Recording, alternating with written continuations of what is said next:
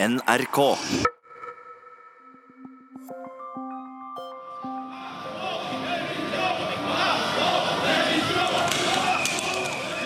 I Frankrike fortsetter folk i gule vester å demonstrere mot økonomisk ulikhet. De har sperra veier og demonstrert i gatene i fire måneder nå. Det er folket mot eliten. Og eliten svarer med å invitere til debatt. Er ropene fra gatas parlament i ferd med å bli hørt i maktens korridorer? Eller er dette et politisk skuespill for åpen scene? Og hvorfor er franskmenn så glad i å demonstrere og debattere? Krig og fred med Tore Moland og Elisabeth Onsum.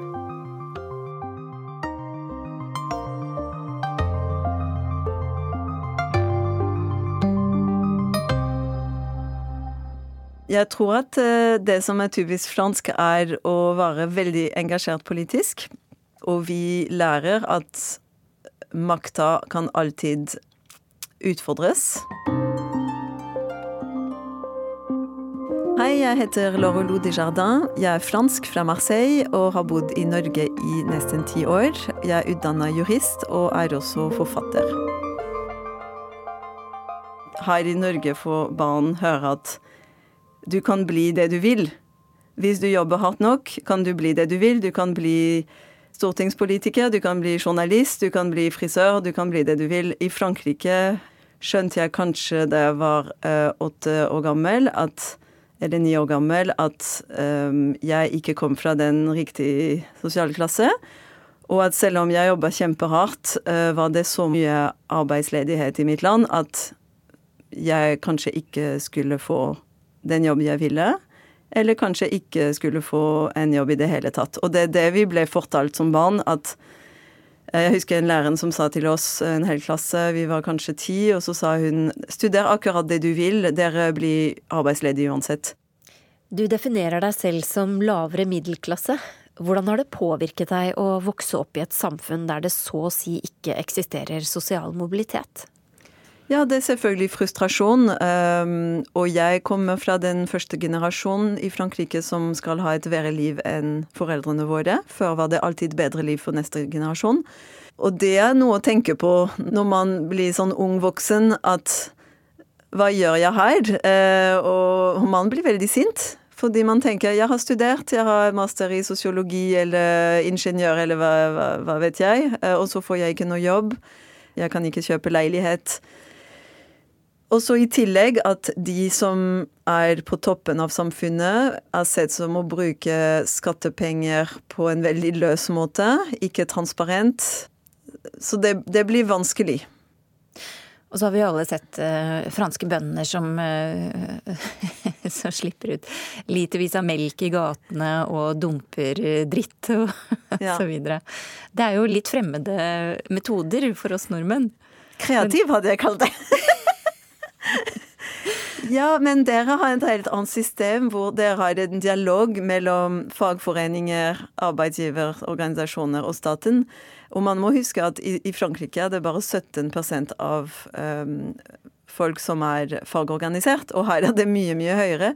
Så her er det en slags tillit og dialog som beskytter systemet, og som beskytter folk.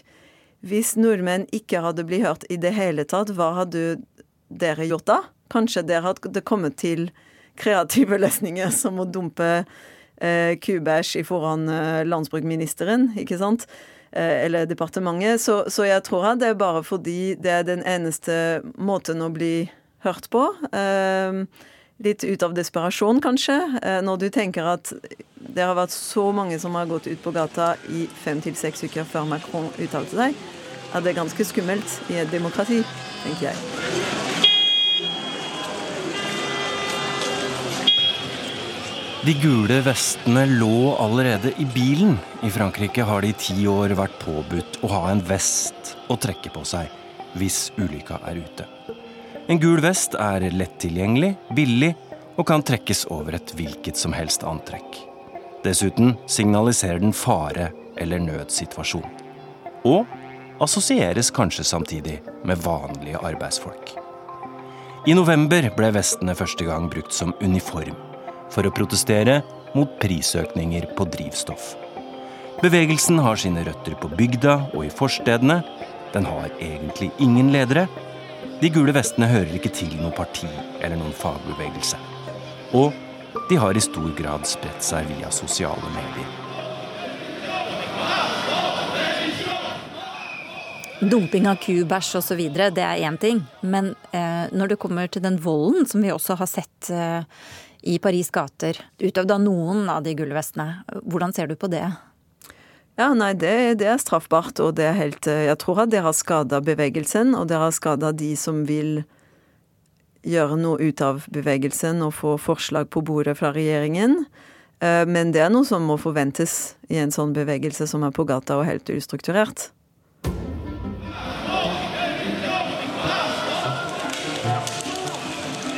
Første dagen da vi kom, så, så var det intenst. Drosjesjåføren sa at dette her er en, en, streik utenom det vanlige. Jeg skal se hvor langt jeg klarer, hvor nærme jeg skal klare eh, å kjøre dere. Eh, og du, du, kjente denne lukten av tåregass som kom nedover fra Triumfbuen eh, da vi begynte å nærme oss sentrum for, for, den første protesten som vi var med å, eh, å dekke.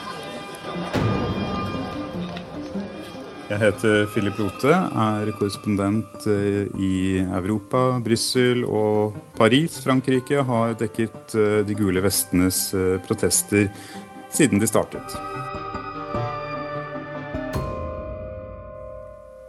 Det er én situasjon, Philip, som i hvert fall gjorde inntrykk på meg.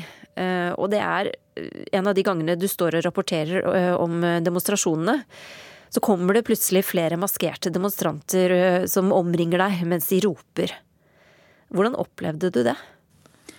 Jeg har jo ikke så godt sidesyn at jeg så alt de, de gjorde. Jeg forsto jo at noen hadde trukket ned buksa, og, eh, og, de ropte jo 'hold kjeft, hold kjeft'. Akkurat for noen få minutter siden så eh, ble det brukt mer tåregass eh, i den gaten her, så vi måtte flytte oss eh, litt, eh, måtte flytte oss litt det er jo dette mediehatet som mange av dem har, og særlig rettet mot én fransk privat kanal kalt B5 eh, TV, eh, som, eh, som da har blitt et synonym for alle medier, altså det de kaller mainstream hovedstrømsmedier, som er alliert med Macron. Og, og, Vi må bruke litt tid på å forklare hvem vi er, og det er ikke alltid de er så opptatt av det. og Det var en situasjon hvor, vi, hvor kameramannen ble angrepet. Vi hadde vært inne på en kafé redigert. Og så ser vi at demonstranter blir jaget ned gaten av politiet. Når de er forbi, så går vi ut, og så ser vi noen brennende biler. Eh, beveger oss bort mot i retning av de eh, for å filme litt. Og da kommer en annen gruppe ut som har stukket eh, seg inn i en sidegate. Og de kommer mot oss. og Så fortsetter vi å filme litt, og så roper de B5TV, B5TV. Og, og vi sier nei, vi er ikke franske engang. Vi er, vi, vi er også blå logo, men det er ikke oss. Og så binder vi over de første og kan snakke med dem. Disse er ok, de er, de er ikke B5TV. Og så kommer det en ny gruppe som vi da ikke rekker å få snakket med. Uh, og En av de går rett i angrep på, på kamera, begynner å slå løs på kamera, ser meg rett i øynene og gir meg et skikkelig tupp uh, i leggen med en, en vernesko. Det var jo veldig bred oppslutning om disse demonstrasjonene, i, særlig i starten. Men så har det avtatt litt etter hvert. De demonstrerer fortsatt, men det er færre i gatene nå. Ja, Den 17. november så var det jo 282 000 som, som var med. Øh, kanskje flere. Og, og, og så nå øh, Forrige helg så var det 28 000 uh, ifølge myndighetene. Litt flere, ganske mange flere ifølge de som arrangerer. Uh, så det har avtatt voldsomt i, i deltakelse, men, men, de har ikke uh, sluttet. Og den lørdagen som kommer nå, så vil det da ha vart i, i fire måneder. Og dette er jo kanskje noen av de lengste protestene som Frankrike har opplevd noen gang gjennom hele sin historie. Men de har jo blitt eh, møtt på en del av kravene. Hvorfor fortsetter de? Det er dette, dette sinnet, eh, og at Macron kom kanskje litt sent på banen. Han, eh, den 10. desember, noen dager etter at han allerede hadde sagt at denne dieselavgiften den blir det ikke noe av, så, så kom han jo med en økning i minstelønnen. Han sa at pensjonister som tjener under 2000 euro i, i måneden, likevel ikke vil bli påført en ny skatt. Eh, det skulle ikke være skatt på overtid, det skulle ikke være skatt på julebonuser. Men det kom for sent. Ja, for hva er Hva er disse protestene dypest sett et uttrykk for? Det er et, eh, et, opprør som har uh, sin tilhørighet til det som kalles diagnal diagonal du vide, altså den tomme diagonalen som går fra Ardennene på grensen til Belgia til uh, Nouvelle Aquitaine, som er da liksom på tvers av mye av landsbygda i, i, i Frankrike. dette her er områder som før hadde industri, hadde arbeidsplasser hadde skoler, butikker, postvesen. Eh, men som nå føler at de er blitt totalt eh, glemt. Eh, at de betaler de samme skattene som før, men at de offentlige tjenestene de får, er mye mye dårligere. Og at noen av disse minste landsbyene har jo ikke engang en, nærbutikk. Og da dieselavgiftene kom, Eh, så følte jeg at de ble straffet fordi at de levde et eh, liv hvor de var avhengig av bil. De hadde de dårligste inntektene, den høyeste ledigheten. Og nå måtte de betale for Macrons ambisjoner om et økologisk skifte. Det var de som fikk eh, belastningen med miljøavgiften. Det var det utløsende, som da på en måte var det som fikk begeret til å renne over. Det var Jeg husker ikke akkurat hva uttrykket er på norsk. Dråpen som gikk gjennom ja, og, og, Dråpen som fikk begeret til å renne over? Ja, dråpen som fikk begeret til å renne over. Det som gjorde at folk gikk ut på gata, er mange år med politiske tiltak fra forskjellige regjeringer, ikke bare Macron, men mange før han, som gjør at folk blir på en måte fattigere, og at livet blir vanskeligere og vanskeligere. Og en slags skamløs eh, politikk drevet av Macron som eh, gir ganske mange fordeler til de rikeste i samfunnet. Eh, og det ble veldig vanskelig for folk å akseptere at han samtidig gir fordeler til de rikeste med skattelette osv., men rammer de fattigste. Og jeg tror at hvis han hadde vært litt lurere og gitt litt til folk flest, og tatt litt fra den andre siden, hadde det vært mye lettere. Uh, men her hadde det gått, uh, hadde eksplodert. Hvis du hadde vært i Frankrike nå, mm -hmm. ville du ha deltatt i demonstrasjonene? Jeg vet ikke. Kan, kanskje det. Det som er vanskelig med den bevegelsen, og jeg forstår at det er vanskelig for nordmenn å forstå det, jeg tror det er mange franskmenn også som ikke forstår den, uh, det er fordi det er så mange forskjellige meninger det er folk fra ytre høyre, det er folk fra ytre venstre, det er folk fra sentrum som er skuffa over Macron sin politikk. Alle kommer med et budskap at de vil reagere på det som skjer i Frankrike.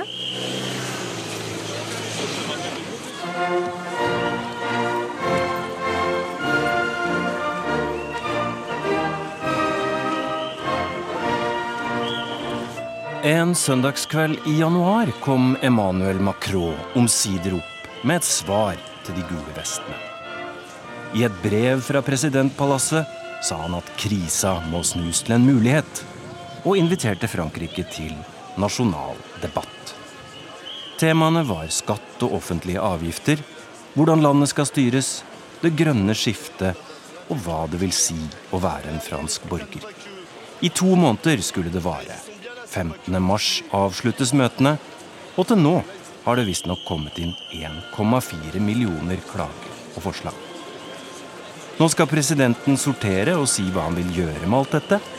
Og akkurat nå er Emmanuel Macron plutselig like populær igjen som han var før demonstrasjonene begynte.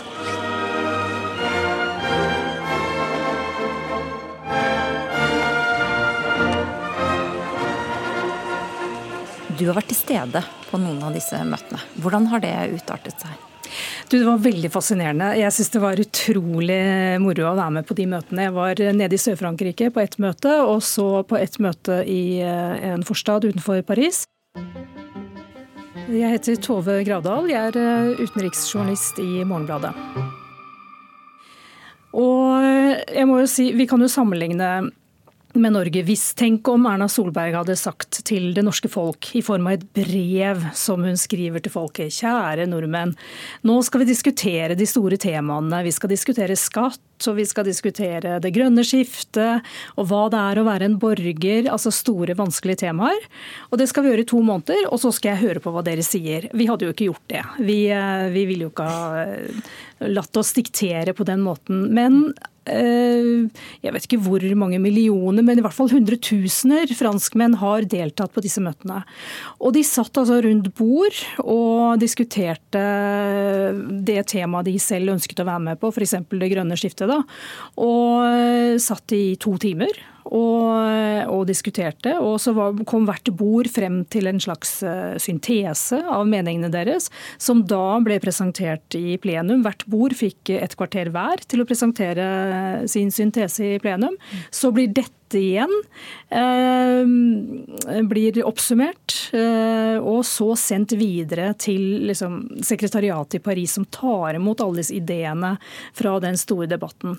Og dette blir jo en mengde data som er helt Eh, enorm.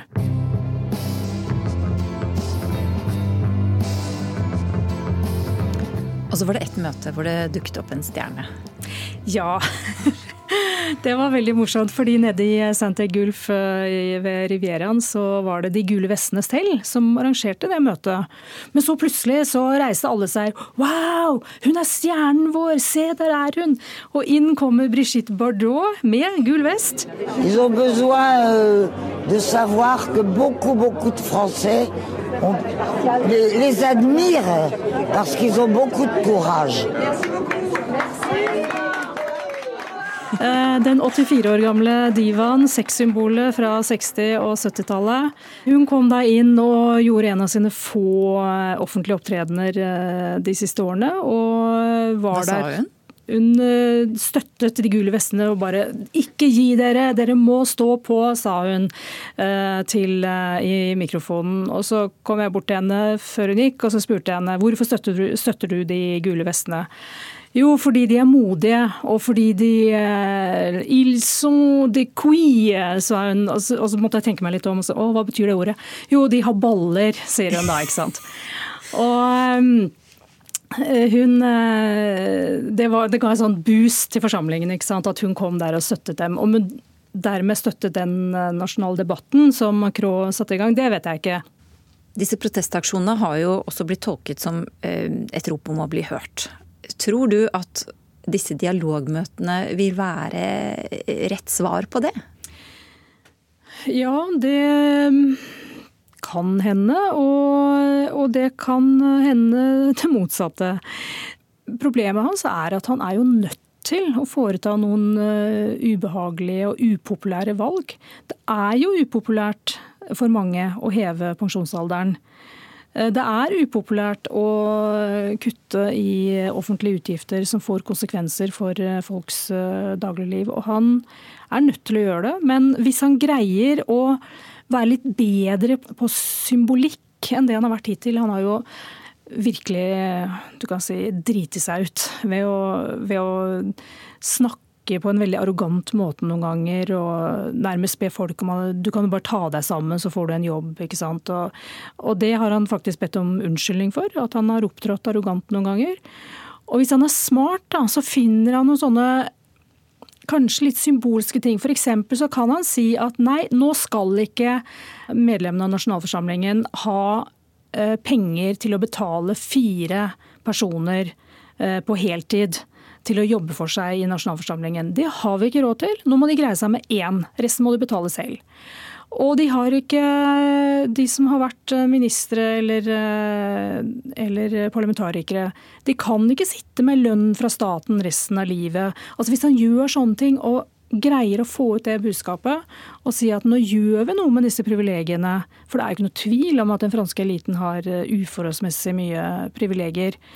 Eh, så kanskje han greier å, å, bygge seg opp den tilliten han trenger. Hva tror du da? Har du tillit til at det kommer til å skje ting? Eh, jeg har ikke veldig stor tillit, nei. Eh, han har allerede kommet med noen forslag som ironisk nok var allerede på bordet før, f.eks. i fjor, med mer støtte til pensjoner og sånt. Og, de, og, det er Macron sitt parti som stemte imot. Og nå later de som det er et forslag fra La République en Marche, og at de vil gjøre ting bedre. Så det er litt vanskelig å tro at de vil faktisk gjøre noe med det. Eh, jeg bare håper at de lytter til folket, fordi franskmenn, når de blir sint, kan fort stemme på ekstremistpartiene. Eh, og det er ikke noe jeg ønsker veldig sterkt.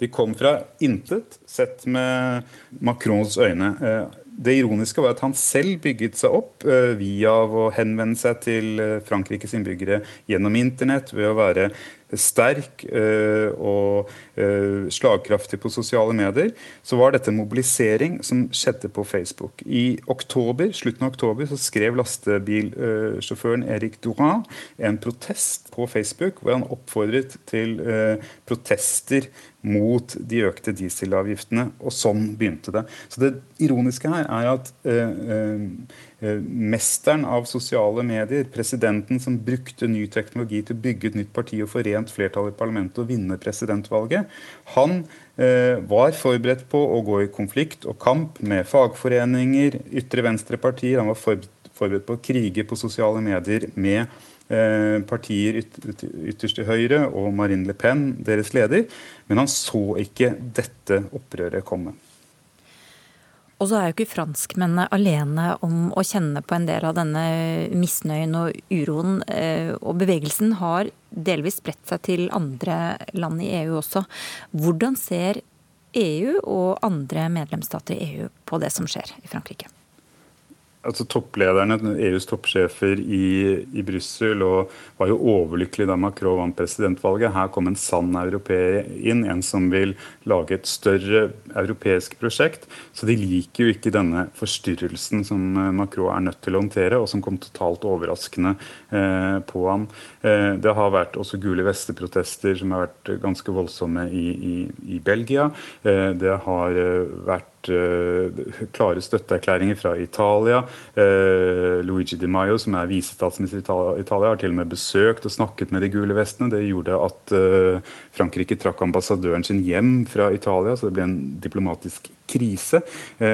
så de gule vestene har markert seg utover Frankrikes eh, grenser, og er blitt en urofaktor i oppkjøringen til EU-valget i mai, som blir det viktigste EU-valget kanskje noensinne. Det er ingen tvil om at de gule vestene påvirker eh, politikken.